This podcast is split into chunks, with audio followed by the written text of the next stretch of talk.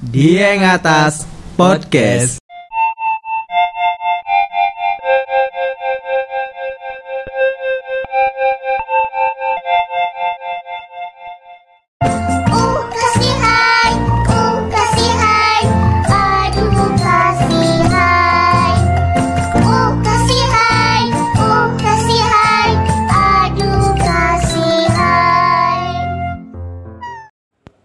Oke, selamat datang di Dieng Atas Podcast episode keempat. Ini episode keempat Dieng Podcast. Eh, untuk sebelumnya kami minta maaf gara-gara jeda antara episode ketiga sampai episode keempat itu terlalu jauh ya. Iya. karena karena ada PSBB sehingga menyulitkan eh, podcaster Dieng Atas untuk melakukan rekaman. Nah, Nah, sebenarnya itu kemalasan kita aja sih, nggak, ada planning gitu sih yang jelas. Ja- jangan bocorin jangan bocorin rahasia perusahaan dong kita harus bersikap kooperatif jadi kita harus bersikap seolah-olah ini kita Profesional. profesional Mantap profesional, sekali, oke. profesional. Oke, kita oke. adalah orang-orang baik yang terpaksa tidak bisa rekaman nah episode di episode ketiga kemarin kita bahas tentang apa kemarin Eh, kemarin Oh, tentang literasi tentang Iya, netizen literasi. ya. Itu pun kita rekam ketika masih di bulan suci Ramadan. Iya. Nah, sebelumnya kami dari Dieng Atas Podcast mohon maaf lahir batin walaupun mohon maafnya telat nih lebarannya udah lewat beberapa hari. Iya. Tapi nggak apa- nggak apa-apa lah, nggak ada kata telat untuk minta maaf. Hmm. Iya, nggak ada kata telat. telat. Bagus sekali. ya, bisa dicatat nih jadi quotes. Ya, quotes. Oke. Oke. Untuk seluruh pendengar yang merasa eh, kami buat salah padanya atau terkhusus kami minta maaf kepada Bapak Terawan. Buat netizen Indonesia juga. netizen Indonesia kami minta maaf. Jadi ini adalah langkah upaya kami yang baik untuk kembali memperbaiki hubungan kita. Oke, mantap. Oke. Nah pada di episode keempat masih ada saya Farsa Putra dan Adrian Pratama.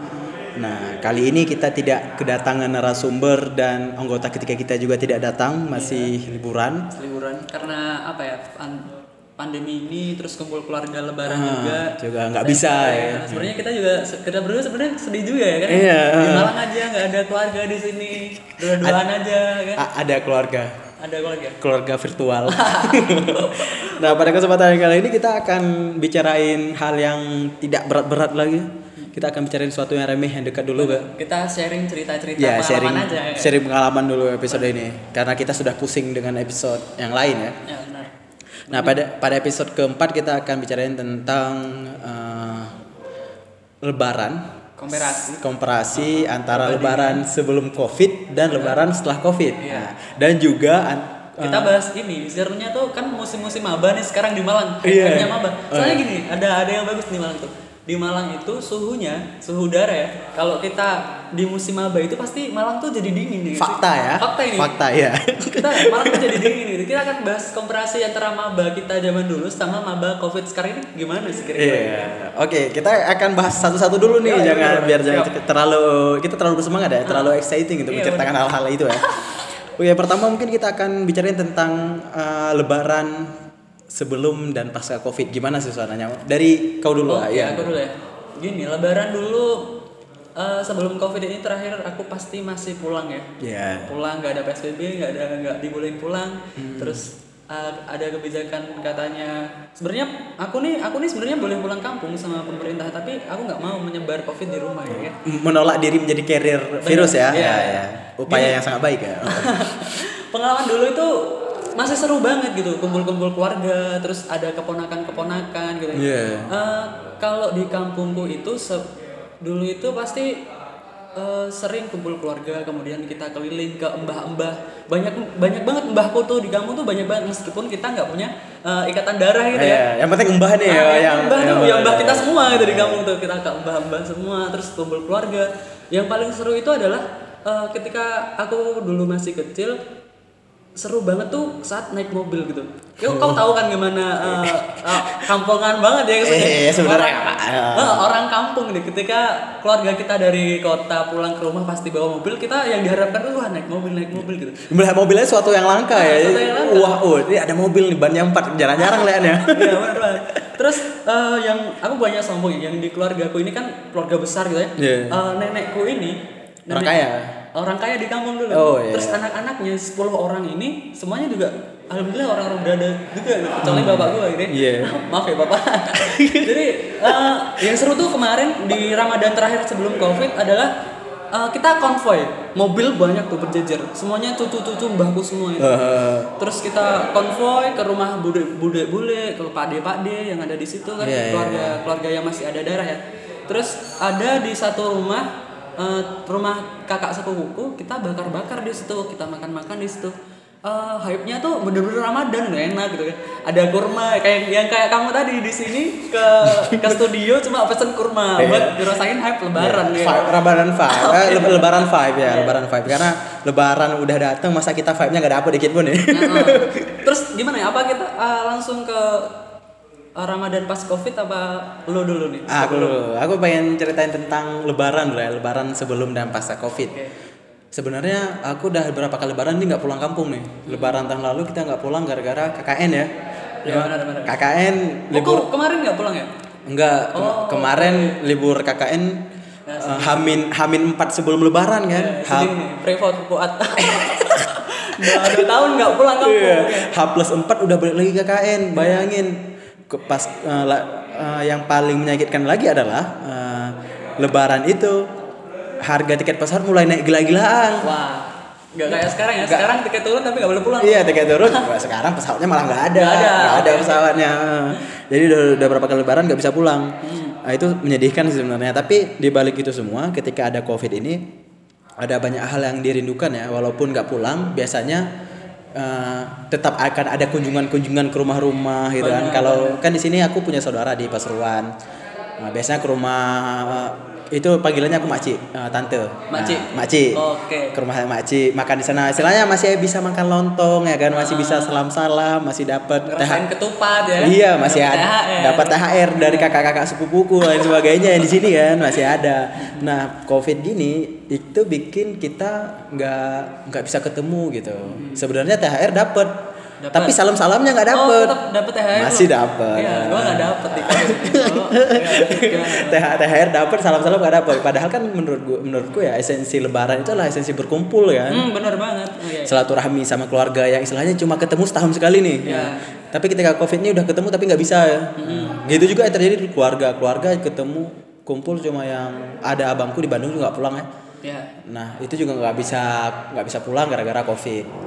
Yang paling apa ya? Yang paling kuingat itu ketika Lebaran adalah kalau di Aceh kan terbiasa kan dulu di Aceh ada konflik nih Iya. terbiasa megang senjata, terbiasa suara-suara tembakan. Ah. Nah, kalau pas aku kecil itu di Aceh ada tembakan mainan kalau kau tahu. Oke. Di sini nggak tahu entah ada entah enggak ya. Selama Yang aku pelu- pelurunya apa tuh? Plastik bulat gitu. peluru kan? plastik bulat, Ah, ah. iya, Tap- ada ada juga di sini. ada tapi itu nggak banyak. Kalau di Aceh itu modelnya perang-perangan. Hmm, gimana? gimana? Jadi tiap desa itu kayak anak-anak itu berkumpul. wow. Lebih- Tarkam dong.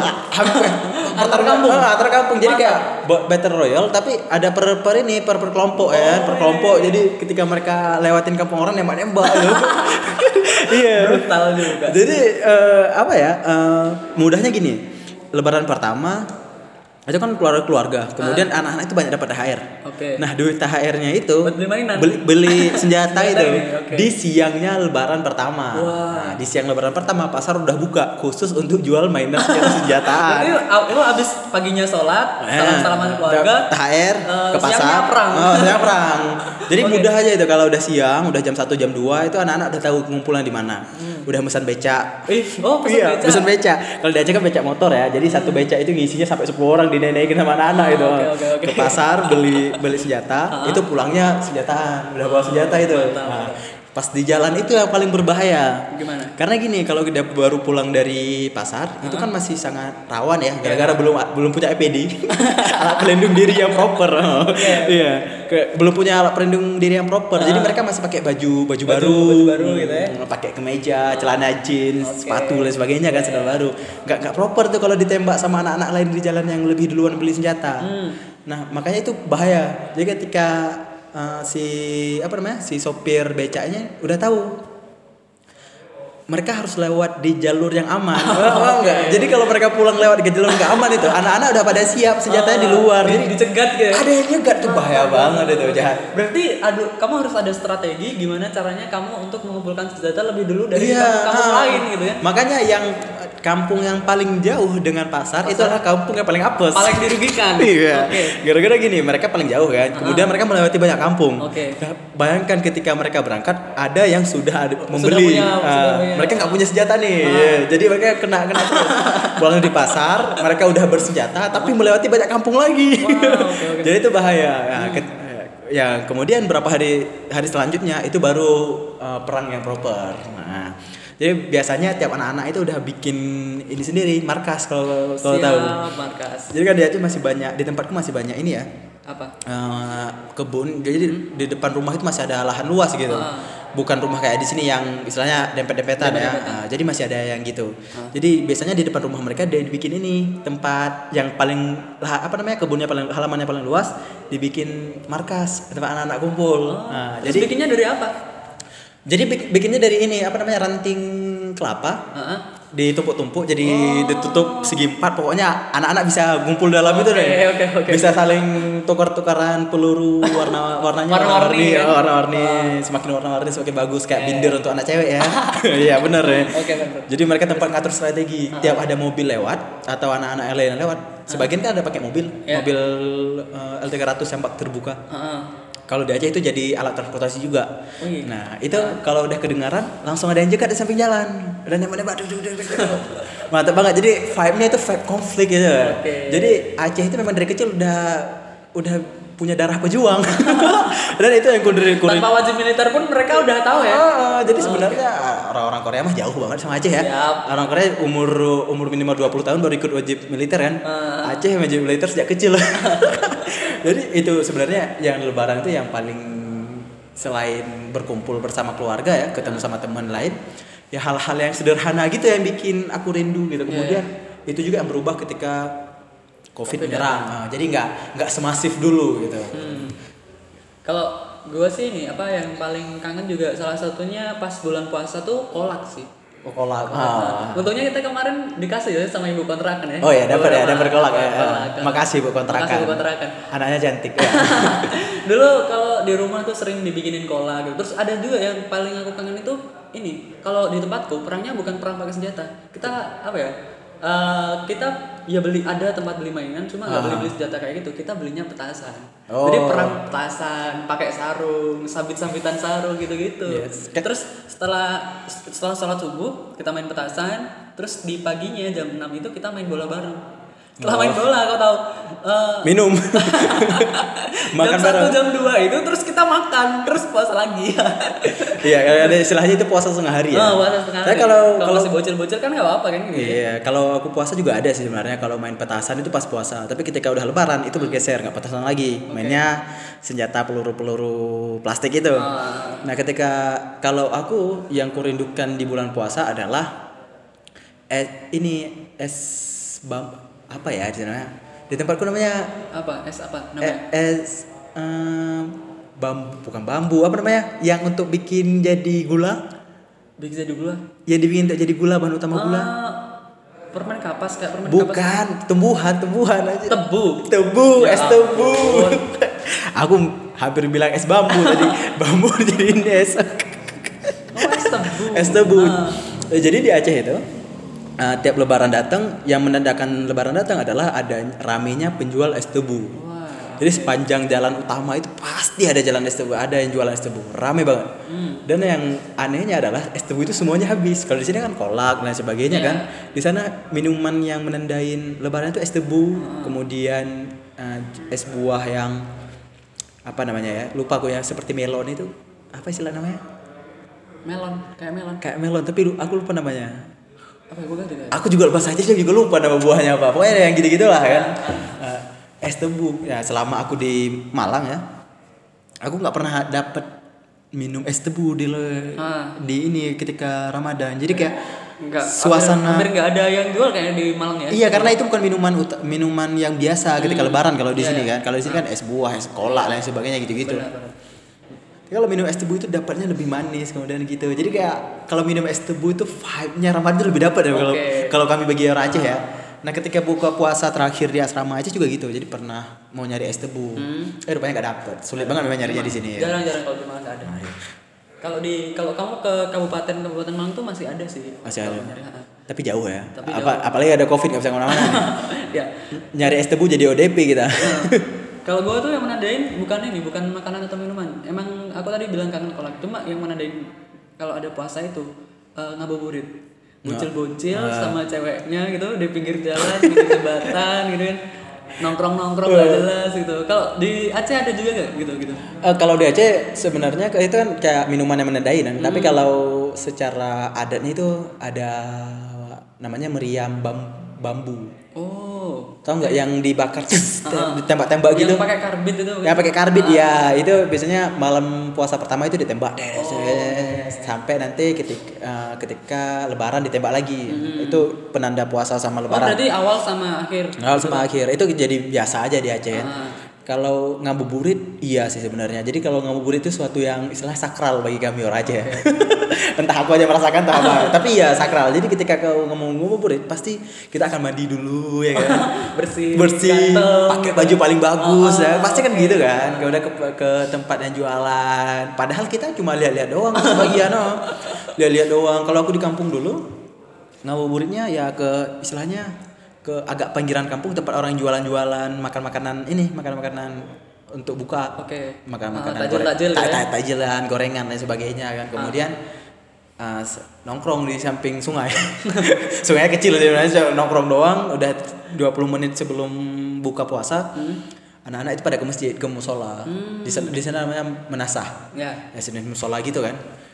Nah, kemudian baru buka buka puasa bersama. Jadi kayak uh, di Aceh itu tiap melasah masjid itu pasti ada buka puasa bersama Oh, ya. dan ada makan beratnya kalau di sini kan aku jarang banget lihat ada masjid yang makan berat baru harus kita list dulu nih ah. di mana ada masjidnya ada masjid. Ah, Nggak- kalau nggak semua emang? nggak nggak semuanya kalau di Aceh itu semuanya jadi ketika kau mau buka puasa lihat aja masjid di dekat paling dekat yang bisa kau temukan Langsung di pokok cari masjid aja Ah, dulu ya. ada Pasti itu ada itu ya. ada ta- ada ta- ada takjil ada makan beratnya oke. nah kalau tempatku ya makannya di Melasa di situ di musola gitu anak-anak semuanya rata-rata pada makan di masjid. Jadi sholat maghrib tuh rame banget sama musola masjidnya nih. Tarawehnya lebaran eh, puasa-puasa pertama sampai kelima doang rame. Tapi setelah itu ya biasalah ber- Biasa. berkurang seiring waktu ya kan. Eh, kalau nanti udah puasa 10 sampai 15 itu tinggal tiga soft lagi Iya, ya. benar. puasa-puasa 25 ke atas tinggal satu soft isinya orang tua doang. Ya itu kayak suatu yang lazim terjadi Iya benar. Tapi kan kalau itu kan pas zaman-zaman kita masih kecil ya. Iya, Kalau iya. aku aku ngerasain, kamu ngerasain gak sih kalau kita semakin tua tuh ada kayak ada yang kurang gitu di puasa nggak tahu apa. Kayak misalnya aku ya. Aku dulu pas masih kecil itu kayak masih as- asik aja gitu keliling-keliling ke Hmm, tetangga iya, dapat iya. uang itu asik banget. Tapi pas aku ngerasain pas udah kuliah-kuliah ini belakang-belakang ini, itu kayak apa ya kayak agak ada rasa malu gitu. Kadang aku masih dikasih uang loh, padahal udah udah gini-gini. Iya, iya. So, padahal sama tetangga itu bukan keluarga, tapi kalau keluarga kan masih masih ini ya, masih gua terima lah ya, ya. kalau keluarga. Kalau gimana? Ada rasa yang apa ya? Ada sesuatu yang kurang gitu gak sih? Enggak, aku sebenarnya gini, aku orang yang merasa bahwa ketika aku semakin gede gini, aku semakin males orangnya. Ah. iya. Iya, iya, iya. Ketika kecil aku orangnya hiperaktif gitu ya, bukan bukan hiperaktif. Adventurer gitu. Ah, Kayak Dora banget ya. Dora. Jadi tiap hari kalau pas aku kecil, tiap hari Minggu itu pasti ada yang manggil. Ah, ayo main bola depan rumah teriak-teriak. Jadi harus sapu rumah cepet-cepet ya kan langsung bilang aku main bola dulu nih ya. Ketika udah agak lebih besar gitu kayak makin males aja. Ketika- Kemudian pas udah kuliah, aku rasa bahwa eh kayak keliling-keliling ke rumah gitu kalau bukan suatu yang sangat mendesak dan nggak disuruh-suruh keluarga aku malas banget sebenarnya Oke. iya lebih enak guling-guling aja di rumah kadang-kadang ketika pulang kampung juga terasa gitu kan Hmm. karena terbiasa di luar ketika pulang kampung harus ba- butuh banyak adaptasi Iya, kalau benar-benar. Nah, Iya sih. makanya eh, makanya aku rasa bahwa kayak kayaknya aku semakin tua ini semakin males ya nggak tahu kenapa karena mungkin rasa penasaran kita semakin berkurang semakin bertambahnya umur Iya benar. Karena ketika kita kecil kita penasaran sama segala hal lah makanya kita eh oh ini ini seru nih Ke sana ke sana ke sana. ah ke sini ke situ gitu kemudian pas besar kayak ah gitu-gitu aja pasti kayak aduh ngapain ya udahlah gue tidur aja dah gitu Oke, eh, masa puasa Ramadan di remaja tuh sebelum Covid gue inget banget.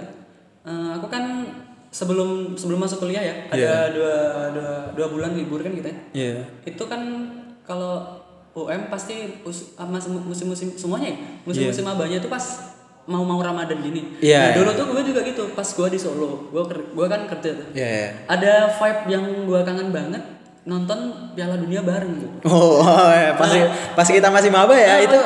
Euro 2016 ya, Ah, Euro. oh, itu Euro ya? Euro 2016 Nah, ya, itu. aku masih ingat Gua- banget. banget apa jadi kayak abis abis cari cari sahur gitu ya. Ah. Kan kalau di Solo kok ini ngekos ya sama temanku bertiga gitu. Iya, iya. Abis cari sahur gitu terus mampirlah ke Alfamart, ke Indomaret yang ada TV-nya. nobar ya. Nobar di situ.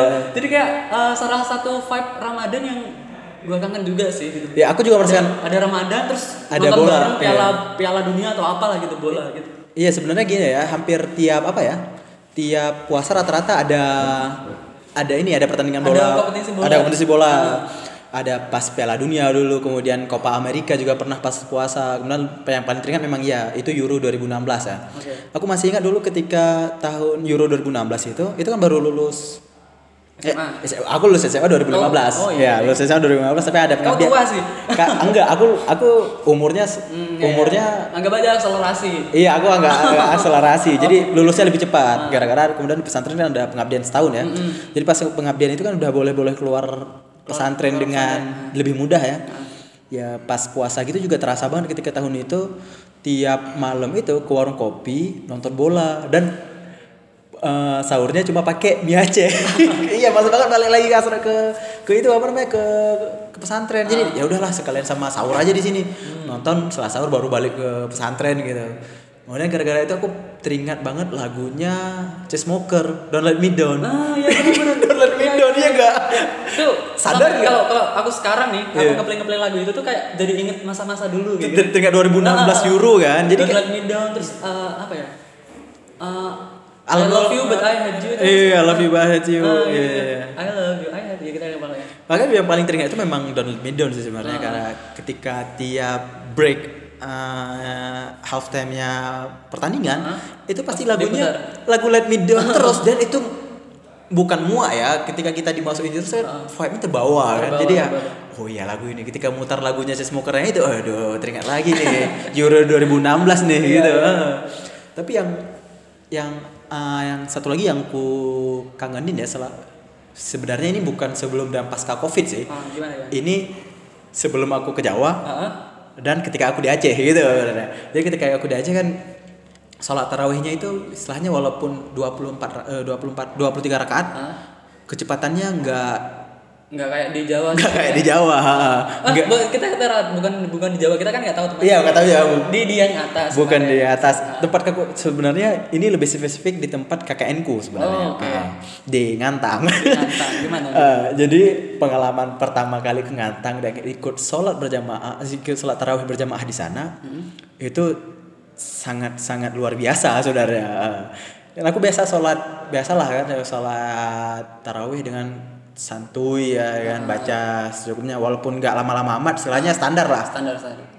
pas aku Ngantang kecepatannya itu luar biasa Berapa rakaat?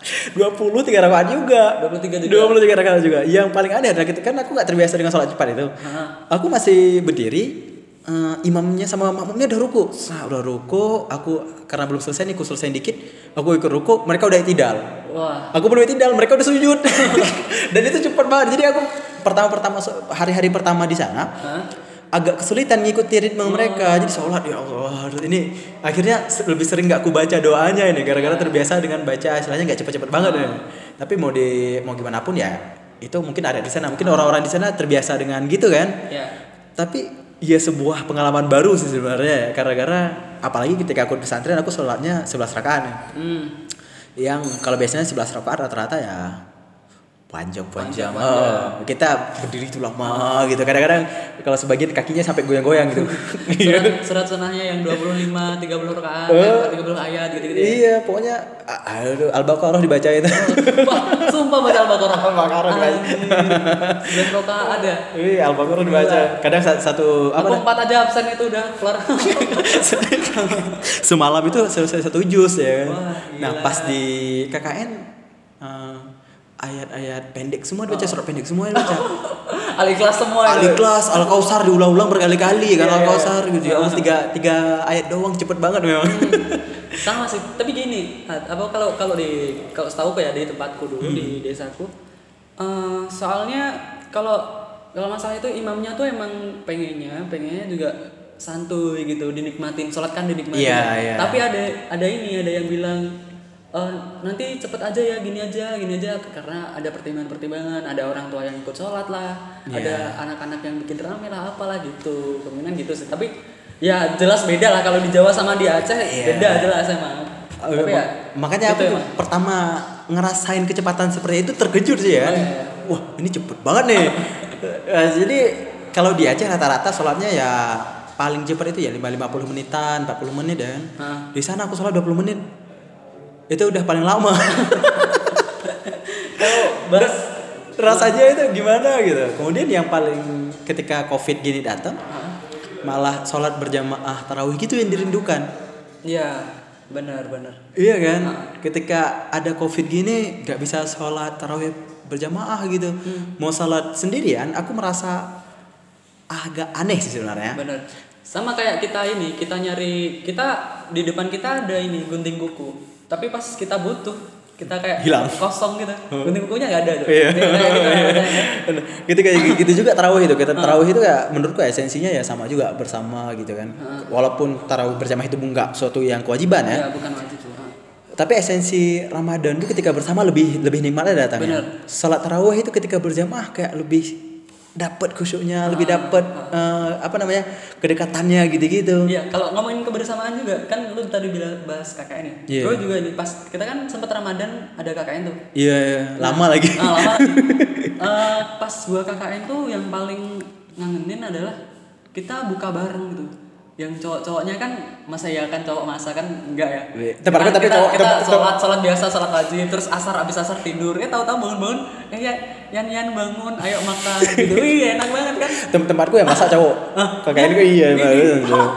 Soalnya gue gak ada ini sih, gak, cowoknya gak ada yang bisa masak sih. Itu tem- tempatku orangnya equality ya. Oh, Eh, oke. Jadi cowok masak, cewek masak Equal, equal, equal. Jadi kita Kesetaraan gender. Kesetaraan. Mantap. Iya. Oke. Kalau itu aku kangennya nih sih buka bareng sama anak-anak gitu-gitu sih. Iya sih, ketika covid gini memang eh, ketika lebaran nggak bisa nggak bisa buka bareng, eh ketika puasa nggak bisa buka bareng, ketika lebaran nggak bisa kumpul gitu-gitu kan.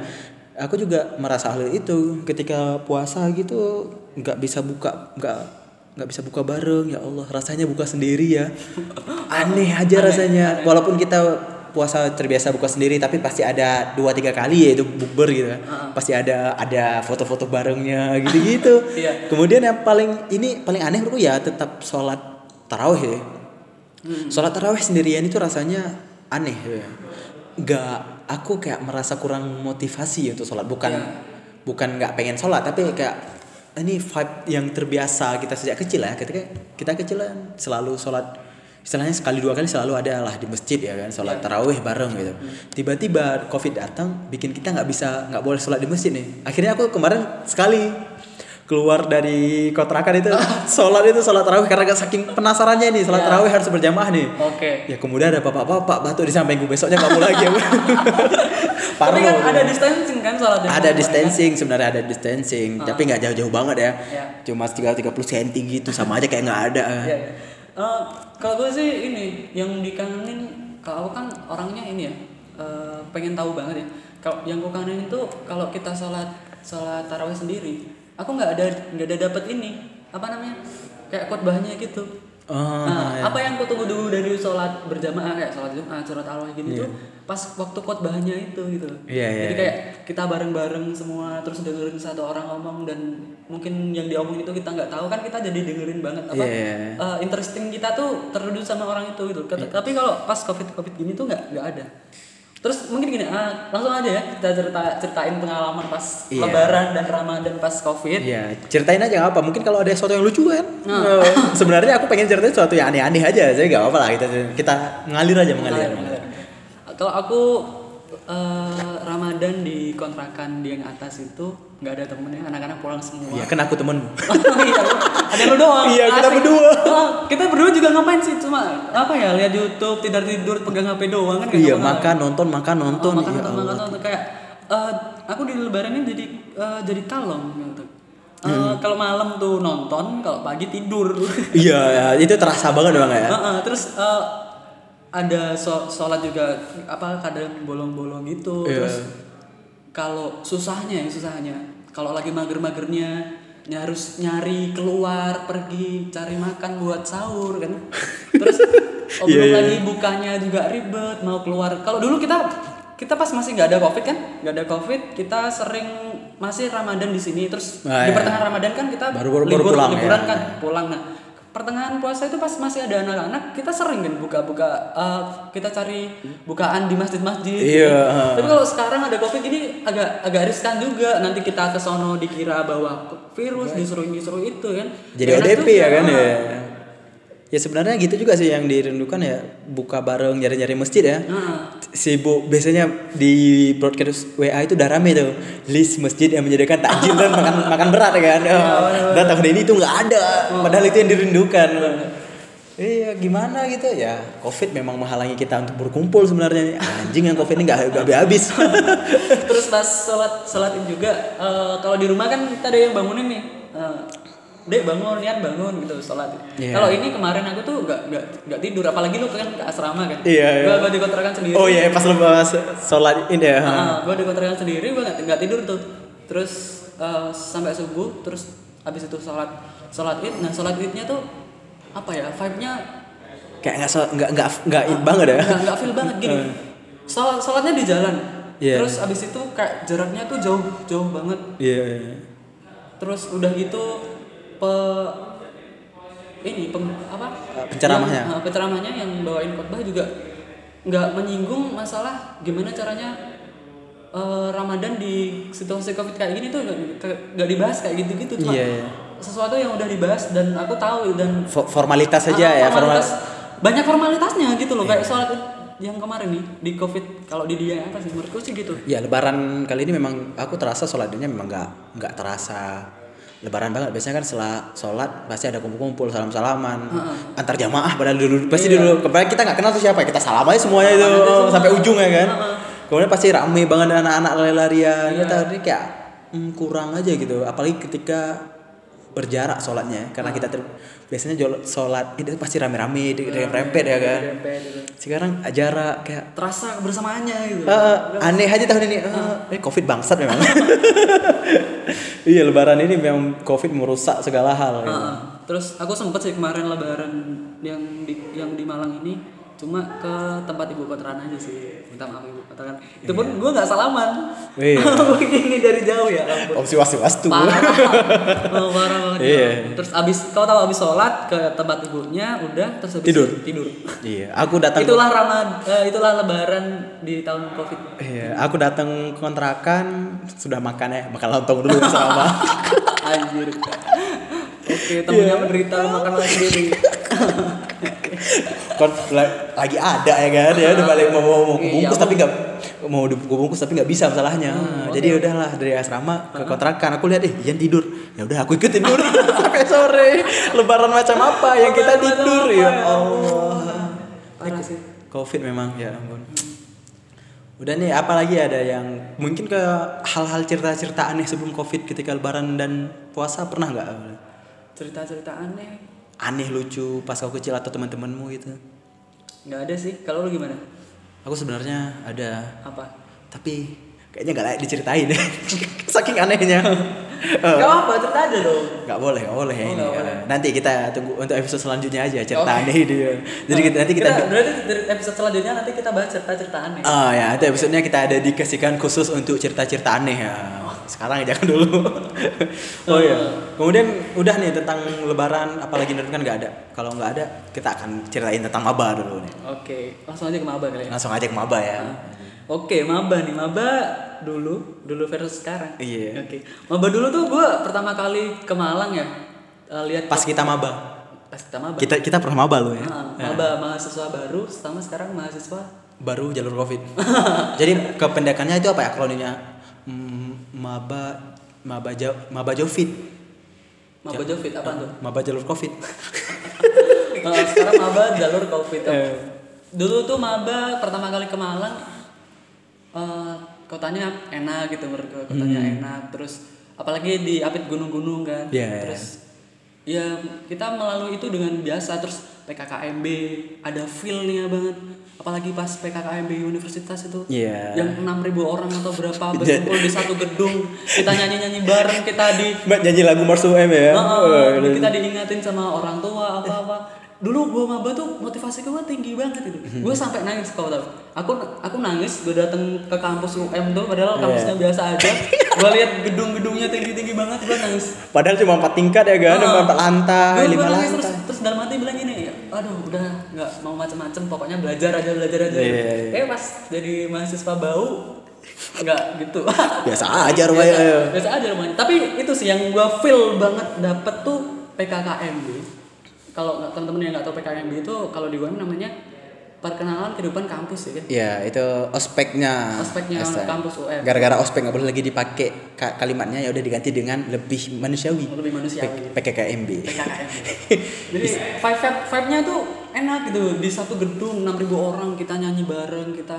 Iya, iya. nangis terus kita ketawa dengan eh, penampilan-penampilan yang ditampilkan terus eh, materi-materi yang dibawain juga lumayan masuk gitu Iya, iya. terus nggak tahu sih kalau maba sekarang ya kalau lu gimana maba dulu Aku gini, aku sebenarnya sebelum aku ceritain ceritaku ya, aku lebih prihatin aja sekarang sama maba sekarang ya. prihatin Ah. empati simpati kan Iya, simpati. Bayangkan mereka yang lulus tahun ini adalah eh, lulus tanpa adanya ujian nasional ya kan. eh, tapi abis itu kan ada SBM ya Iya ada ada SBM. Masa gini mereka lulus tanpa tanpa ujian nasional. Jadi mereka lulus jalur jalur Covid ya. Sebenarnya sama sama kita. Kita mahasiswa jalur covid juga kan Iya. ya kagak lah. Kita kan masih ada ujian nasionalnya pas kita SMA apa. Maksudku ini, mereka lulusnya itu nggak ada greget-gregetnya. Ketika angkat ketika kita masa kita nih, ketika kita masih maba sebelum kita maba, kita kan lulus SMA nih. Ada ujian nasionalnya, kemudian bagi sebagian sekolah yang merasa mereka begitu gaul, mereka ada bagian coret-coretnya. Kalau yang sekolah yang alim-alim, Alim-alim. bajunya dikumpulin di kemudian disumbangkan, kemudian Iya. makan bareng ya gitu-gitu kan. Pasti kan kan lu ya. Ah. kan itu vibe vibe nya gitu yang tidak rasain sama eh, anak-anak sekarang gitu menurut maba sekarang. Mereka kayak udah tiba-tiba lulus aja. tiba-tiba gitu doang SMA gitu ya? Iya, tiba-tiba- apalagi kalau kita rasain dulu SMA tuh kan cepet banget ya. Iya. cepet banget kalau kalau kita nggak ada nggak ada uh, selebrasinya tuh nggak kerasa gitu per- perpisahan tuh gimana. Gini kita, kita- ketika masa kita adalah eh, kita merasa eh, berdebar-debar ya. Ah. menunggu pengumuman Menunggu ujian nasional ya. nilaiku berapa nilaiku Terus berapa? Aku yang lulus beli-beli kunci jawaban juga. iya beli jawaban. Salah satu pengalaman yang buruk tapi juga pengalaman adalah guru. Sebelum Iya. pengalaman itu adalah Itu kan kita berdebar-debar, kita men- menantikan momen-momen itu, itu Ah. momen yang luar biasa. Sedangkan tahun ini ketika maba tahun ini ya mereka yang lulus jalur Covid, mereka tiba-tiba dapat eh, ini pemberitahuan kamu lulus SMA. Gi- ah, gitu aja nih. Gregetnya di mana nih? Ah, Gregetnya di mana? Tiba-tiba mereka coret-coret baju ya kan. Kan ada yang viral kemarin yang coret baju tapi nggak ada ujiannya. Dasar letoy ya.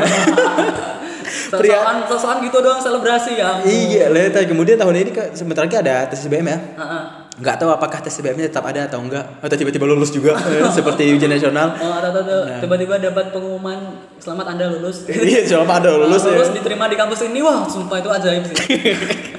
Makanya- Nggak, perjuangannya nggak ada. Iya. Nggak- ya, ya aku yang paling antisipatif sekarang adalah bagaimana nanti ketika mereka PKKMB Ah, bisa oh, be- kan pasti ini aku ba- bayanganku adalah covid ini nggak akan mereda sampai penerimaan mahasiswa baru nanti jelas sih. ya ya kan pasti kerumunan di atas yang banyak-banyak karena pasti di, di tidak diperbolehkan kan Benar. apalagi ketika pe- perkenalan kampus pasti berkumpulnya rame ketika kita aja enam ribuan ya Masa iya 6000 orang disuruh satu meter satu meter kan nggak mungkin. Oh, gerah geraha cakrawala UM nggak cukup itu. Nggak cukup. Oh, nggak cukup. Harus di lapangan bola gitu baru bisa. Masa iya mau di ini PKKMB di Matos gitu. Iya, P- PKMB boleh, masa kuliah enggak ya. Kita kita mikir PKMB dulu nih, PKMB. Akan sangat lucu aja ketika mereka PKMB nggak ada menurutku walaupun aku nggak istilahnya ya PKMB bukan suatu yang wah bagi bagi anak-anak SMA yang baru masuk kuliah ya ketika kita setelah berapa tahun baru merasakan bahwa bi- Ah, biasa-biasa aja sebenarnya. Biasa aja. Iya. tapi ketika anak-anak SMA yang terlalu membara kayaknya PKMB cocok untuk mereka untuk menyalurkan hasrat mereka. Oh aku udah mahasiswa deh. Ah. ketika nggak ada PKMB mereka akan merasa bahwa eh tiba-tiba aku mahasiswa ya. Duh, bayangkan ketika kan ada ada Eh, kuliah gini doang ya gitu ya? kan ada isu nih katanya PKMB mau dibikin virtual ya. Hmm. agak lucu ya. gimana? Bayangkan coba ada ada virtual gitu ada layar kemudian kita ngezoom eh pakai zoom gitu kemudian ada tim disnya ada tim Aduh. disiplinnya Aduh. yang Eh kamu ini nggak online ke mana nih? Iya, dia- jadi marahinnya itu lebih ini, lebih lebih maju ya kan lebih modern gitu Ya. pendekatannya. Eh kamu yang baris ketiga dari kiri, koneksinya tolong diperbaiki. Dari tadi loading terus. Iya, iya maaf kak saya di warnet gitu kan. Bayangin yang tidur tidur gak ketahuan ya kan. Itu kayak mereka me- kehilangan menurutku ya mereka akan kehilangan ini pengalaman pertama masuk kampus ya. Mereka akan kehilangan pertama kali mereka di dijejali tridharma perguruan Perguruan tinggi, tinggi. tapi kemudian dikhianati di semester semester selanjutnya Ah, ya setidaknya kita, gini gini, kita aja yang dapat tridharma perguruan tinggi itu udah semester selanjutnya kita mengkhianati itu, apalagi yang nggak dapat dari awal. benar dari awal ah. Kualitas mahasiswanya itu menurun nih. Iya. mereka itu mabatannya akan tidak mendapatkan bualan-bualan manis dari bem bem ya kan dari Dari UKM UKM. dari UKM UKM UKM saya paling bagus Oh. UKM saya paling bagus. Ini uh, ada pemetasan ini, tapi Iya. pas kita udah semester tua, what? Mana nggak ada pemetasan apa-apa? Iya. Nggak ada karya ini. Oh, bualan-bualan manis dari BEM. Mari kita progresif. Mari kita ber, ber- berproses dan lain sebagainya. Dan setelah kita lihat berta- bertahun-tahun sama aja bohong. Tapi setidaknya kan ketika mereka maba mereka harus mendapatkan hal itu biar Iya. biar istilahnya membandingkan dan belajar ya. Karena kan proses itu proses untuk belajar gitu. Maka akan sangat aneh aja ketika mereka tiba-tiba tiba-tiba lulus, tiba-tiba jadi mahasiswa, eh tiba-tiba nggak dapat apa-apa nih. agak agak lucu sih menurutku ketika gitu. Iya benar benar. Terus apalagi kan kalau kita ngomongin fakta nih, ya itu entah itu nanti yang PKKMB virtual itu jadi apa enggak. Iya. Tapi yang kau kan tadi baca tuh peraturan dari pemerintah. Iya, perwali. Yang masalah mahasiswa baru. Eh, perwali itu ada untuk maba-maba mungkin ada yang dengerin podcast Ah, kami ya. ah, informatif Itu- nih. Informatif nih ada bagian informatifnya juga selain receh ya. Nah, jadi untuk ada peraturan wali tentang kedatangan mahasiswa baru di Kota Malang. Ah, Nah karena lagi covid eh, dia ada peraturan sebagian adalah yang aku ingat nih karena aku lupa juga Sekilas nih aja sekilas bacanya. sekilas ya. Nah. Yang salah satu yang paling penting adalah sebelum datang ke Malang mas- calon mahasiswa itu wajib isolasi mandiri di kampung masing-masing. Kemudian sampai di Malang harus Isolasi isolasi isolasi lagi. Nah kemudian sebelum mereka kedatangan di Malang mereka harus melakukan pelaporan ke RT RW setempat di tempat akan mereka tuju. Oke. Nah, biar ada pengawasnya. hmm. Kemudian salah satu yang bikin sulit mungkin adalah sebelum susah nih. susah nih sebelum ke Malang mereka harus punya bukti negatif COVID rapid test. Hmm, berarti mereka secara nggak langsung harus sebelum jadi mahasiswa dan sebelum ke Malang harus punya sertifikat kayak sertifikat Nah. gitu ya. Aku udah udah udah Iya tes surat surat, rapid test nih. rapid test tapi dia negatif gitu harus ada surat keterangan gitu-gituan. Apalagi rapid test di mana gitu. Misalnya Iya. orang dari kampung ya Orang kampung bayar lagi ya kan. bayar lagi. Dengar-dengar juga rapid test kan mahal ya, lumayan mahal ya. Lumayan mahal, udah mahal kemudian nggak nggak akurat sebenarnya. Rapid test itu kurang bukan nggak akurat, kurang akurat ya. Ya. Eh, makanya agak sulit aja nih kalau bagi maba ya perjuangan kalian ya di dicari-cari rapid test. Semangat dah. Semangat dah cari rapid test dah. Atau mungkin nanti jadi pengalaman yang baru kalau kamu nggak dapat pengalaman PKMB ya. Iya sebenarnya ya tiap-tiap masa akan punya pengalaman berbeda Iya. sendiri ya, konstruktivis gitu. Itu, Ya konstruk konstruksi mereka, pengalaman mereka akan berbeda dengan kita. Ya kan kita membandingkannya dengan pengalaman kita gitu. Benar. Nah, ketika aku maba juga merasakan sebenarnya per- perbedaannya mungkin akan sama seperti orang yang luar Malang merasakan gitu. nggak ada perbedaannya sih. Orang-orang luar Malang akan berekspektasi tinggi menurutku pada kota Malang. Aku juga begitu.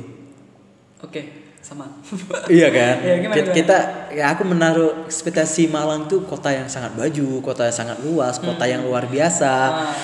Dan omongan-omongannya luar biasa. Jadi sebelum aku ke Malang itu ada ketemulah lebaran ketemu sama beberapa orang gitu ditanya kuliah di mana kuliah ke Malang insya Allah oh enak ya kuliah di Malang dingin makanannya enak-enak di sana Padahal yang gitu tuh di Batu kan. Iya makanya sampai sampai Malang ya. Ya Allah, pertamanya mungkin iya dingin kita yang maba kayak ada suatu mitos ya. Pertama kali datang ke Malang itu dingin banget. Iya. Udah dua bulan sini ya Allah panas banget nih Malang ini ya. iya udah panas kemudian makanannya katanya enak-enak. Iya makanannya itu itu aja makanya enak. Ya, Menurutku ya bukannya bermaksud rasis ini.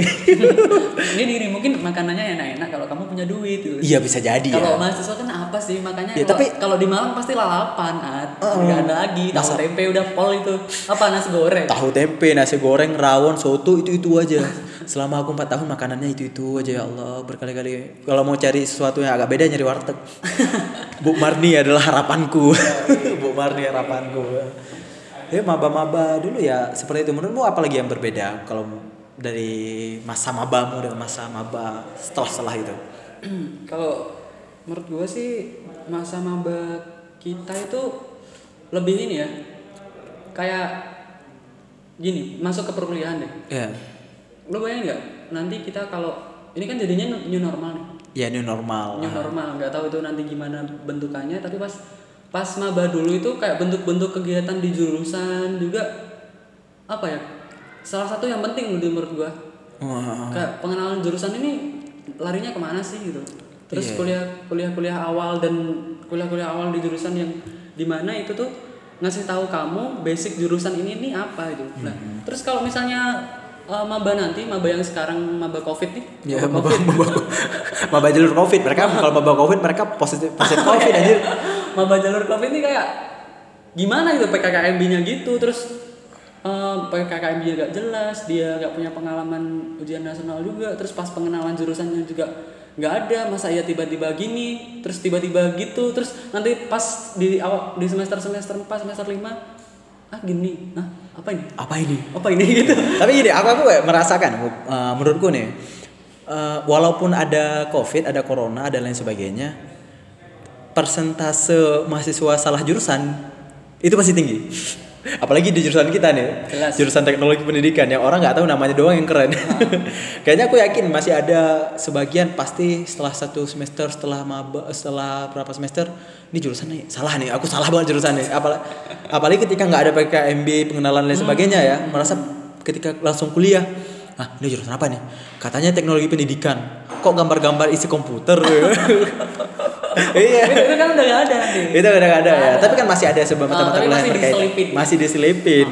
Pasti akan banyak itu kayak persentasinya aku yakin masih tinggi. Jadi kayak ya udahlah tiap maba itu akan merasakan kebodohan-kebodohan itu.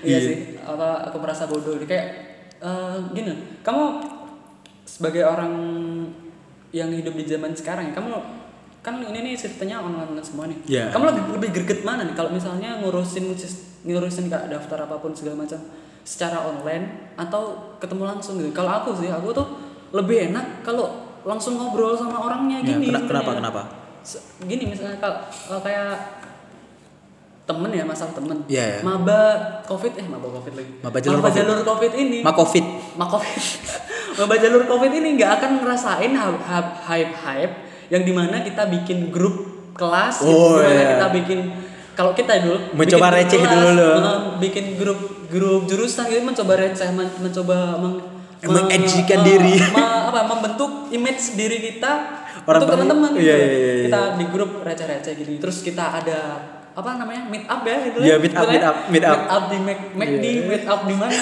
Itu meet- maba, meet- nggak maba, meet up. sekarang nggak di McD Meet up yang ringan ringan meet up jalur S, S, senam PTN, Senam PTN, ada SBM, SBM, ada di anak mandiri, meet- yang mandiri lebih ini lebih kaya, lagi, lebih di. Starbucks mereka ya Eh, kaya anak mandiri itu anak orang kaya itu mereka jalur mandiri adalah anak-anak orang kaya yang malas ikut SBM sama SNMPTN Eh, males lah apaan sih kertas-kertas gak guna gitu. Apa nih? Yang penting gua mandiri. Nih, gua kertas aja kertas. Tapi duit. 20 titik 00 tanda tangan cek gitu, cek. eh, cek Ya aja ampun. Eh, lu mandiri memang gila-gila respect mandiri respect Respect, eh, respect. respect memang Terutama respect gua untuk orang tuanya. jadi ya, iya terasa memang eh, maba-maba sekarang ya akan kehilangan hal itu ya Heeh. Apalagi gini maksudnya kita bikin grup ya kita bikin grup chatting chatting tiktok oh, enak banget kita ngomong di situ wah anak ini asik ah anak ini cantik gitu kan masih ada gitu ya Kalau- terus pas kita meet up kita ngobrol banget bareng tuh enak lah Ya, langsung. maba, maba jalur coffee ini gimana gitu Iya, iya, iya. pertemanannya nggak luas. Luas. Mereka dapat lah kalau kita kan dapatnya nama kan kalau mereka ID Zoom. apa nih ID line ID eh, line. mabar yuk ID ML ya. Jadi mereka bertemannya via virtual. Ya. Ah, itu friends next level ya. Mereka berteman dengan wah levelnya lebih tinggi itu. Hmm. Aku juga merasakan hal itu ya. Aku lebih lebih condong kita bertemu langsung dibanding menggunakan virtual gitu. makanya kayak kalau misalnya kita PKKMB fakultas nih eh, Iya. jurusan eh universitas deh Iya. kita di situ kan pasti dapat kelompok terus kita ngobrol langsung gitu Iya. terus koneksi kita banyak pas kita udah tua sekarang pas kita ketemu di kampus Kita nggak tua. Eh, oh nggak tua aku jangan kau bilang tua ya. Oke, Allah. pas kita udah berpengalaman sekarang kan berpengalaman nih Berpengalaman. Nah, masih sapa-sapaan gitu di kampus Iya. dari jurusan apa dari fakultas apa semua kita masih sapa-sapaan gitu pas kita kayak maba jalur covid ini eh ya jalur covid bener ya Iya. maba jalur covid ini mereka cuma bikin lihat mukanya di zoom yang mukanya foto profilnya itu Iya. di foto terus diedit edit pas kita ketemu langsung itu mukanya beda kan gimana itu tapi, seru juga kalau mereka maba jalur covid ya. Misalkan ketemu sama eh kamu yang di baris ketiga dari atas pas kita ngezoom kemarin ya gitu ya. namanya gini baris-baris ya Baris-baris. Oh, baris ketiga Baris ketiga. kamu baris keenam ya Baris ke enam Ya oh ya. ampun. Aku di baris ke-8. Jadi muncul nama-nama julukan-julukan baru. iya, saya aku juga merasakan itu kayak em, ketika kita bertemu langsung kita akan lebih bebas, lebih eh, eks- mengekspresikan diri itu lebih nyaman ya. Kalau kita cerita-cerita receh sama teman pas kumpul gini kan. Iya kayak uh, lah, lepas gitu. Kemudian kita bisa bu- bukan cuma bicara secara eh, pakai mulut tapi dengan badan sehingga kita tahu kan. act out ba- gitu. eh, bahasa isyarat gitu ya. Istilahnya kita juga berbahasa dengan seluruh ini dengan seluruh hal yang ada. Ketika kita misalkan kalau covid ya ngomong ngomong doang gitu. Dari mulut masuk masuk ke gadget baru kedengeran udah kadang-kadang kalau sinyalnya bagus kalau ada anak-anak sinyalnya Allah alam bisa pakai kartu. Nggak jelas ya kan? Ker- ka- bukan kartu sultan gitu. Ya sinyalnya kalau siang kalau dapat alhamdulillah ya kan? Kalau nggak dapat ya syu- ya bersyukur aja bersabar. Ah, iya. Apalagi kalau gue sendiri disuruh video call sama temen-temen tuh sebenarnya malas gitu. Hmm. lebih enakan HP kalau pegang HP itu lebih enakan scroll scroll Twitter terus eh, nonton nonton drama gitu kan nonton Iya. nonton YouTube lebih enak gitu daripada video call sama temen ya karena kita udah terbiasa ada ini ya karena terbiasa bertemu langsung ya kayak eh, ya new normal New normal ya. kelaziman baru Anjay. Itu padanan kata Uda Ivan jadi kelaziman baru Oke. Kayak ketika mereka juga mungkin mereka akan lebih terbiasa bertemu dengan video call ya. Ketika ber- mereka bertemu langsung mungkin akan jadi aneh. Jadi aneh. Bisa, bisa juga bisa juga mereka seperti itu, seperti kita merasakan ketika kita bertemu dengan virtual gitu. Oh gitu ya. Oh, bisa. Kelaz- kelaziman mereka adalah bertemu secara virtual Hmm. dan itu menjadi kelaziman baru bagi kita gitu. Oke. Dan semuanya harus beradaptasi gitu ya. Iya semua harus beradaptasi. Eh, ya gitu. Tapi kalau kita nanti bicarain tentang pendidikan new normal akan kita bicarakan di episode selanjutnya. Oke mantap nih. Ini kita udah kan Normal. kenormalan kenormalan seperti apa yang akan kiranya berlaku di pendidikan selanjutnya ya. Maka itu akan jadi clue untuk episode selanjutnya. kita udah kasih clue belum? Kasih clue untuk episode selanjutnya aja nih ya. Gila banget emang. Mantap. Apalagi menurut maba yang aneh-aneh kayak gitu atau apa? Oh, apa lagi ya? Sebenarnya ada sih. nggak ada ya. Se- Udah itu aja sih. Sebenarnya yang paling ya menurutku ya paling sederhananya adalah mereka akan mendapatkan pengalaman berbeda. Iya. Dan mungkin gua juga pengen ngerasain pengalaman itu sebenarnya. Iya. Mungkin akan menjadi suatu yang asik ya. iya ketika mereka misalnya udah semester seperti kita ini, udah agak istilahnya udah di semester-semester akhir, mereka akan men- menceritakan hal-hal yang kita ceritakan sekarang gitu. Iya benar. Cerita, oh ya ketika aku dulu maba ya, rasanya aneh banget ya ketemu langsung. Biasanya ketemu virtual. Virtual. Eh, enam ribu orang nyanyi bareng di ini Iya. di zoom. J- Nyanyi Marsu M, Marsu M gimana ya? Eh, eh, persada, gimana gimana? Kok aku Marsu M lupa cok? Mas UM. UM mendidik dan Iya, mengabdi, bukan sih? iya, iya, Omega di dibayangkan ketika mereka nyanyi, dengan tulus hati. mereka nyanyi bareng ya kan virtual, ada yang satu telat ya kan, ada yang sambil tiduran. ya. UM mendidik dan mengabdi, ada ah, baru bangun nih, oh ya mana, tim disnya di belakang gitu, weh sinyalnya dipercepat, woi orang udah udah sampai mana nih liriknya, kok masih aja di situ, Ya. Nah, akan jadi uh, pengalaman yang lucu dan mereka ceritakan di pas mereka udah lebih berpengalaman kayak. Iya, ketika mereka akan ada di posisi kita. Ah, benar-benar. Ya, sekarang mungkin ya kita mengucapkan selamat datang ya untuk mereka ya. Selamat datang Selamat datang di kampus yang kampus, kalian pilih. uh, di kehidupan permahasiswaan yang Kalian akan melihat mendengar banyak-banyak bullshit ya. Semoga bisa difilter semoga sebenarnya. bisa difilter terus uh, Memilih jalan yang benar. benar Ya jalan kupu-kupu itu juga jalan benar. Jangan percaya sama mulut-mulutnya Bem. Maaf Mas Bem. kupu-kupu tuh nggak apa-apa intinya kamu tahu pokoknya jadi mahasiswa tuh punya tujuan hidup gitu ya Iya, sebenarnya kalau mereka punya goals, kemudian punya apa yang mereka inginkan itu ya bodoh amat sama kupu-kupu. mau kupu-kupu mau ninja mau kura-kura apalagi banyak Bodoh amat, itu jalan hidup kalian. Jangan mau dia bohongin sama ketua BEM. ya karena aku dulu dibohongi gitu. Kita jadi mahasiswa sebagai agent of change, ya bla bla bla bla bla bla. Trader perguruan tinggi harus kita amalkan bla bla bla bla bla. Jangan mau jadi mahasiswa kupu-kupu. secara materi doang hafal ya Secara materi hafal gua. actionnya nggak ada ya? Actionnya nggak ada. Pokoknya tiap tiap mereka berbuih-buih di depan tuh pasti jangan jadi mahasiswa kupu-kupu. Padahal kupu-kupu cantik cok. Mm-mm. bagus kupu-kupu Ba ba- kupu-kupu bagus anjing. Perjuangannya lebih sulit padahal. dia dia dia puasa dulu ya kan Nah, kemudian keluar dari kepompong, mekar jadi sesuatu yang indah. Padahal kan harusnya kita menjadi kupu-kupu kan. benar kita rebahan dulu saat di kos-kosan tantar 9 bulan atau 7 semester langsung. Tiba-tiba lulus. tiba-tiba das wih anjir mantap nih Sarjana. gua udah sarjana ngapain ya Iya. Ke popok lagi Iya sebenarnya kan mereka harusnya kan mereka belajar dari kupu-kupu kan. hidup Yang- adalah pilihan mulai nih gitu Eh ini dipelajari menurutku semuanya nih anak-anak SD semua belajar. Kupu-kupu adalah metamorfosis yang sempurna. Makanya harusnya kupu-kupu itu menjadi contoh yang baik. Jadi untuk jangan jadi agent of change apa tuh nggak sempurna Nah, nggak sempurna itu makanya kita harus menjadi kupu-kupu. Menjadi mahasiswa kupu-kupu adalah menjadi mahasiswa yang bertas bertransformasi dengan sempurna. Ya. So, aku, aku- eh, ini disclaimer nih kita bukan bukan mengajak kalian untuk jadi kupu-kupu ya. Kita mengajak kalian untuk memilih jalan benar. iya Yang benar sesuai hati kalian. Itu aja sih.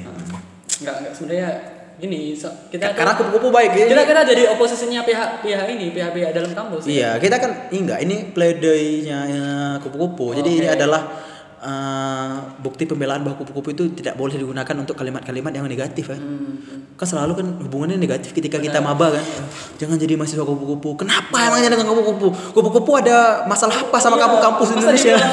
Jangan jadi mahasiswa kau kuliah kuliah pulang kuliah pulang. Ya kan kita kuliah pulang terus di rumah berkarya ya kan. Daripada kamu gak gak, gak pulang-pulang di kampus doang ngapain? Kamu wifian doang di kampus. Enggak, di maksudnya- secret-secret the Enggak, bahasa gini, enggak mungkin kuliah enggak pulang. Makanya. Kok jadi apa? Jadi penunggu kampus? Nah, kau mandi di kampus? ya ampun. Enggak sebenarnya ya itulah makanya kita kupu-kupu itu gak ada masalah. Iya, gak ada masalah. Aku penasaran ya kayak orang-orang kampus itu kayak ada dendam pribadi sama kupu-kupu gitu. Nggak tahu sih. Ketika mereka diputusi pacarnya ya kan, ada kupu-kupu lewat anjing kupu-kupu makanya dia jangan jadi kupu-kupu. kupu-kupu nggak ada salah disalahin terus ya. Makanya aku ada untuk mendukung kupu-kupu. Hmm, seakan-akan kupu-kupu tuh dipandang sebelah mata aja. Iya, padahal kupu-kupu cantik loh. Nah, Padahal juga sama-sama bayar UKT. Sama-sama. Justru kamu tuh beban kampus ya kan? Iya, UKT. Kamu nggak nggak mau pulang di kampus doang ngabisin listrik. Iya, udah- pakai wifi sukanya. makanya bayar. makanya UKT jadi tinggi ya kan. Udah rektoratnya nggak mau denger lagi. Aduh parah. Ya Allah rektorat UKT. Pak Rektor. Semester 8 nih gratis. Untuk semua lah ya kan lagi pandemi gini lagi sakit-sakitan mana tahu Bapak mendengar. iya Pak, apalagi saya lebaran kemarin nggak dapet Ya. THR Pak. Sebenarnya aku yakin Bapak ini dengar ya, orang-orang rektorat dengar, orang birokrat kampus dengar. Oke. Tapi mereka nggak mau aksi. Karena secara materi aja. iya, mereka mana ada tahu tahu apa ya. Mana tahu kesulitan mahasiswanya, mana mau didengarnya sama mereka. Yang penting bangunan jadi. Yang penting peringkat kampus naik. Iya. Yang penting jurnal ilmiah Scopus naik. Gitu-gitu doang. Ya Allah. Tapi aku percaya Bapak, Kak. Rektor kita baik. Rektor UM itu beda sama rektor yang lain. Iya. Iya. Beda emang. Beda. baik. Baik lah. Baik Bapak Rektor. itu di UKT itu kalau bisa dinolkan dinolkan sama beliau itu saking baiknya itu. Nah, Ya, udahlah makanya. salam tuh Pak Rektor. Rektor baik. Aduh, jadi jadi awkward banget nih akhirnya ini gimana? Iya, iya, iya. nggak tahu nih Pak Rektor nih gara-gara Pak Rektor nih. Heeh. Ya Pak Rektor kita baik ya. Iya. Wih kita ngalor gidul banget nih dari maba sampai ke rektor nih. Iya. Nah, balik lagi maba. Gimana maba? Ah, mungkin itu aja sih menurut maba. Akan mereka akan mendapat pengalaman baru, mendapatkan konstruksi yang baru ya. baru yang belum Kelaziman-kelaziman yang baru dari kita akan berbeda dan akan mereka akan ceritakan ketika mereka di posisi kita juga sih. Itu dan aja. kemungkinan akan kalau menurutku ya, kemungkinan ada kemungkinan ya terbawa kelaziman yang baru ini jadi Iya. mereka nggak lagi nongkrong di kantin tapi nongkrong di depan laptop Iya, nongkrongnya depan Zoom. bener Ya. Meet up yuk, meet up yuk. Yes, ba- bagiin room ya, room, room di Zoom ya. Ini passwordnya ya, iya. Ini linknya, iya gitu. Iya, yang kayak Zoom. udah apalagi nggak ada lagi kalau nggak ada kita akhiri aja nih episode keempat ini. tutup aja yuk Tutup aja ya, udah aja. Eh, terima kasih udah dengerin episode keempat. Sampai berjumpa di episode kelima. Lupa gini.